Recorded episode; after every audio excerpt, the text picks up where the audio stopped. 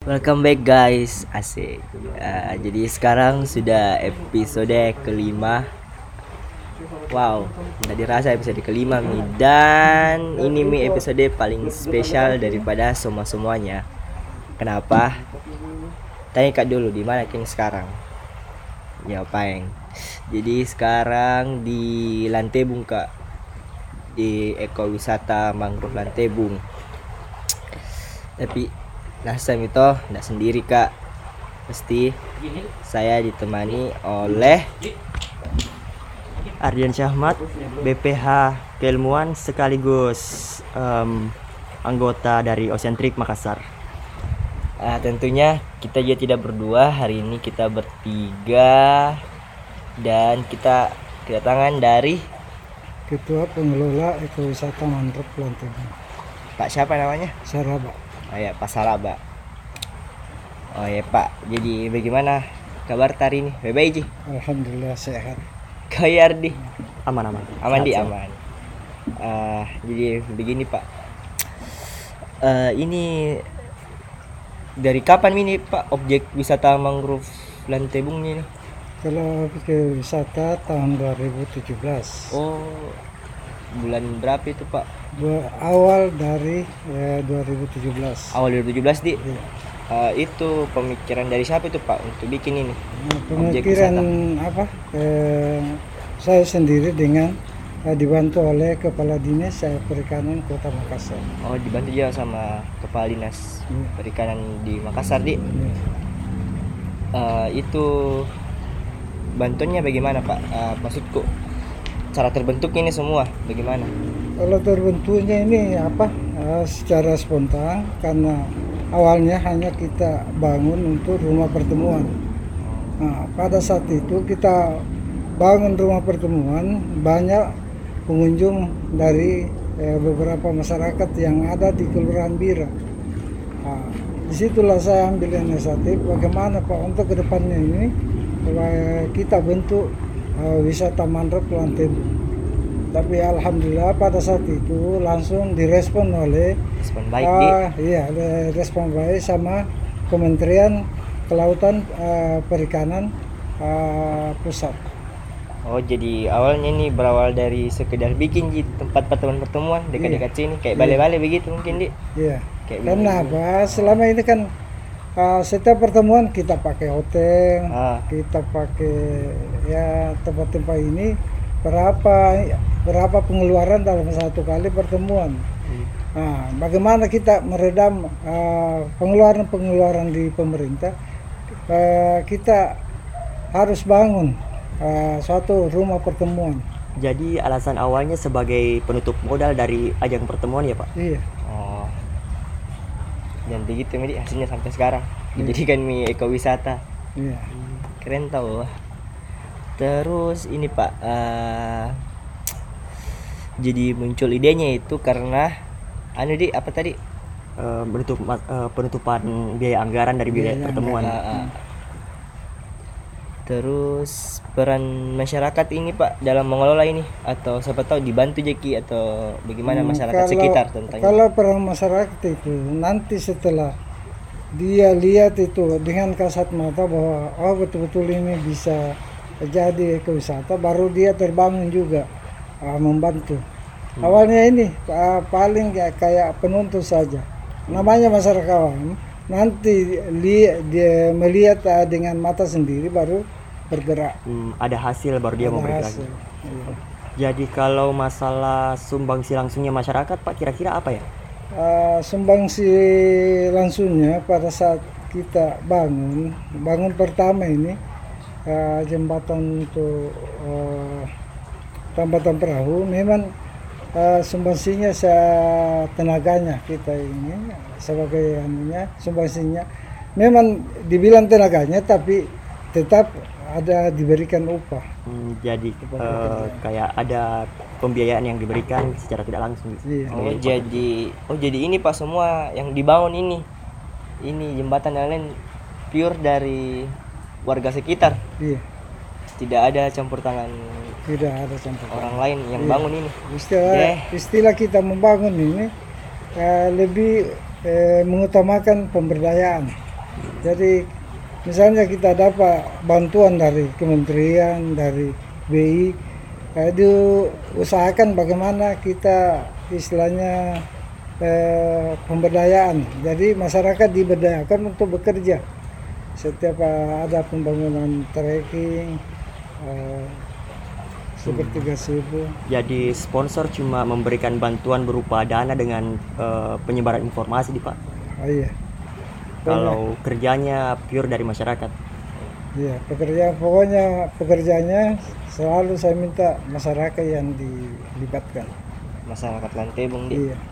Eh, ini pak sampai sekarang eh, peran pemerintah masih ada sih soal ini tem eh, meng- mengenai ekowisata ini pak masih diperhatikan sih sama pemerintah sekitar Pokoknya sampai sampai sekarang ini pemerintah sudah mulai melirik. Belum memperhatikan, sudah mulai melirik. Karena apa? Ini kan namanya wisata itu berbasis masyarakat, belum ada eh, pemasukan untuk eh, pemerintah. Belum ada output balik ke luar di Pak. Iya, Jadi orang masih melirik belum ada turun andilnya ke kita secara langsung. iya pak karena kayak yang lumayan anu bagus pindah saya maksud karena dekat dari masih masuk di Makassar Iya. terus tidak ada juga kayaknya begini di Makassar di Jarang. cuma ini jadi kayak anu ekowisata mangrove yang paling dekat dari Makassar Iya. termasuk Makassar juga ini ya Yes. Makassar. Hmm. Open access, mudah diakses. Iya, gampang sekali, gampang sekali didapat. Cuman eh, informasinya yang keluar yang masih kurang di Pak. jadi sama pemerintah juga belum terlalu bertindak di Pak. Iya. Jadi oh iya nih Pak, kan sekarang lagi pandemi mita Iya. sama jika dari tahun lalu milah mulai di Pak pandemi. Eh, sebelum pandemi itu Pak bagaimana keadaan di sini Pak yang sebelum pandemi? Kalau sebelum pandemi ini, eh, alhamdulillah lumayan cukup eh, ramai.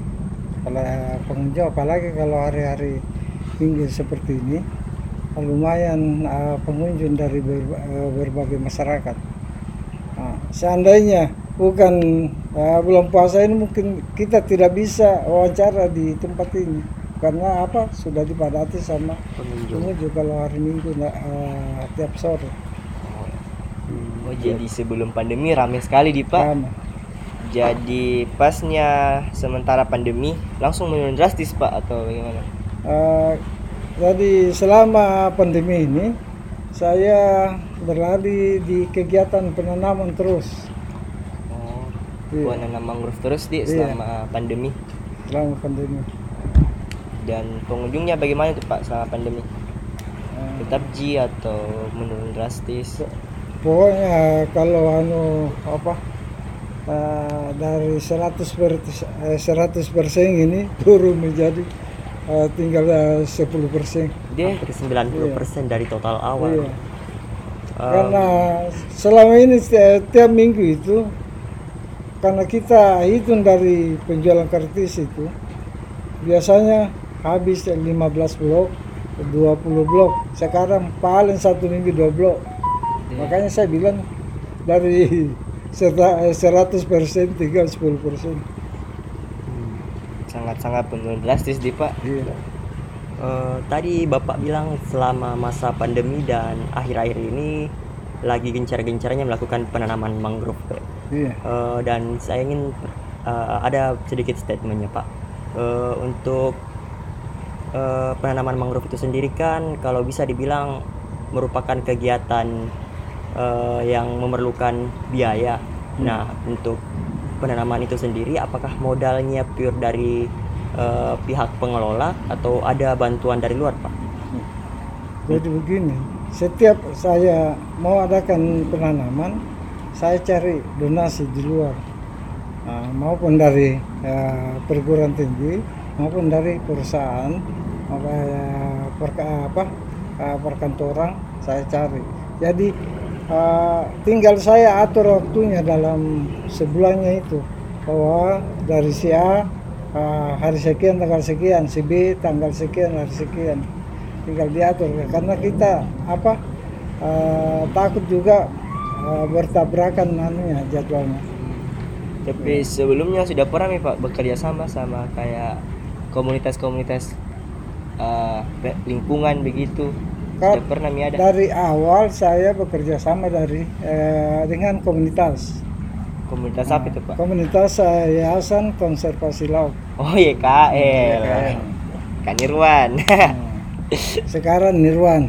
Oh, iya. Awalnya pertama waktu dibentuk itu Rapung namanya.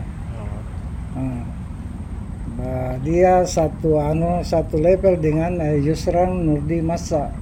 Isra. Nah, eh, di, di belakang ini Nirwan. iya eh, masih sering biasa sering datang kan Irwan di sini Kak. Eh Iya, Pak. dia sering ambil kegiatan di sini soal penanaman. ya, ini. Pernah juga saya undang Pak jadi pembicara di Iya. sini kan Nah, Irwan. malah waktu saya masuk nominasi 20 besar di Kalpataru itu, Nah. dia ikut juga membantu mengabarkan bagaimana mangrove yang ada di Kota Makassar. Ya, jadi khususnya uh, masyarakat uh, di wilayah masyarakat Lantebu.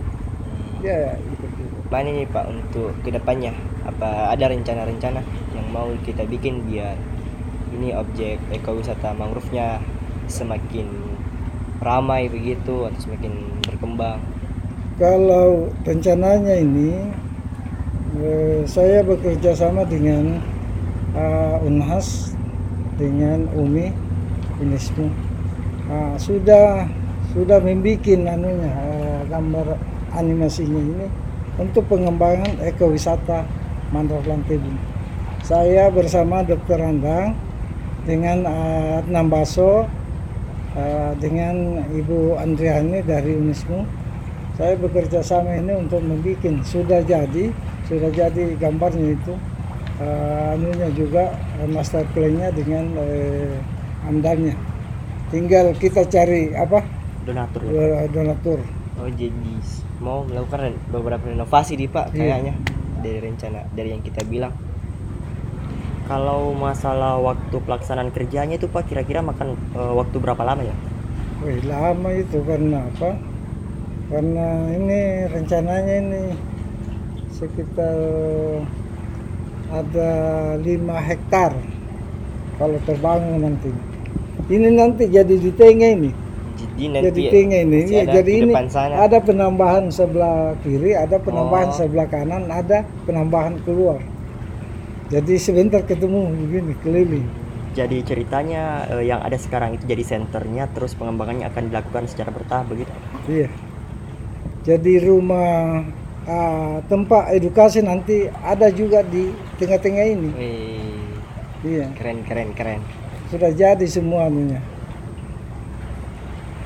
Eh, hanya dari baru ini dari bank apa namanya bank swasta itu ada sudah ada masuk satu.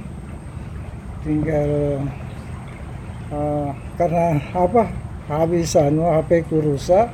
Eh, nomor kontaknya itu dari BCA pusat sudah hilang sama saya. Padahal itu dia rencananya ini tahun dia mau juga eh, memberikan kesehatan Hmm, Oke. Eh, itu tadi penyampaian dari Pak Saraba selaku Ketua Pengelola dari Objek Ekowisata Mangrove eh, Lantebung Makassar.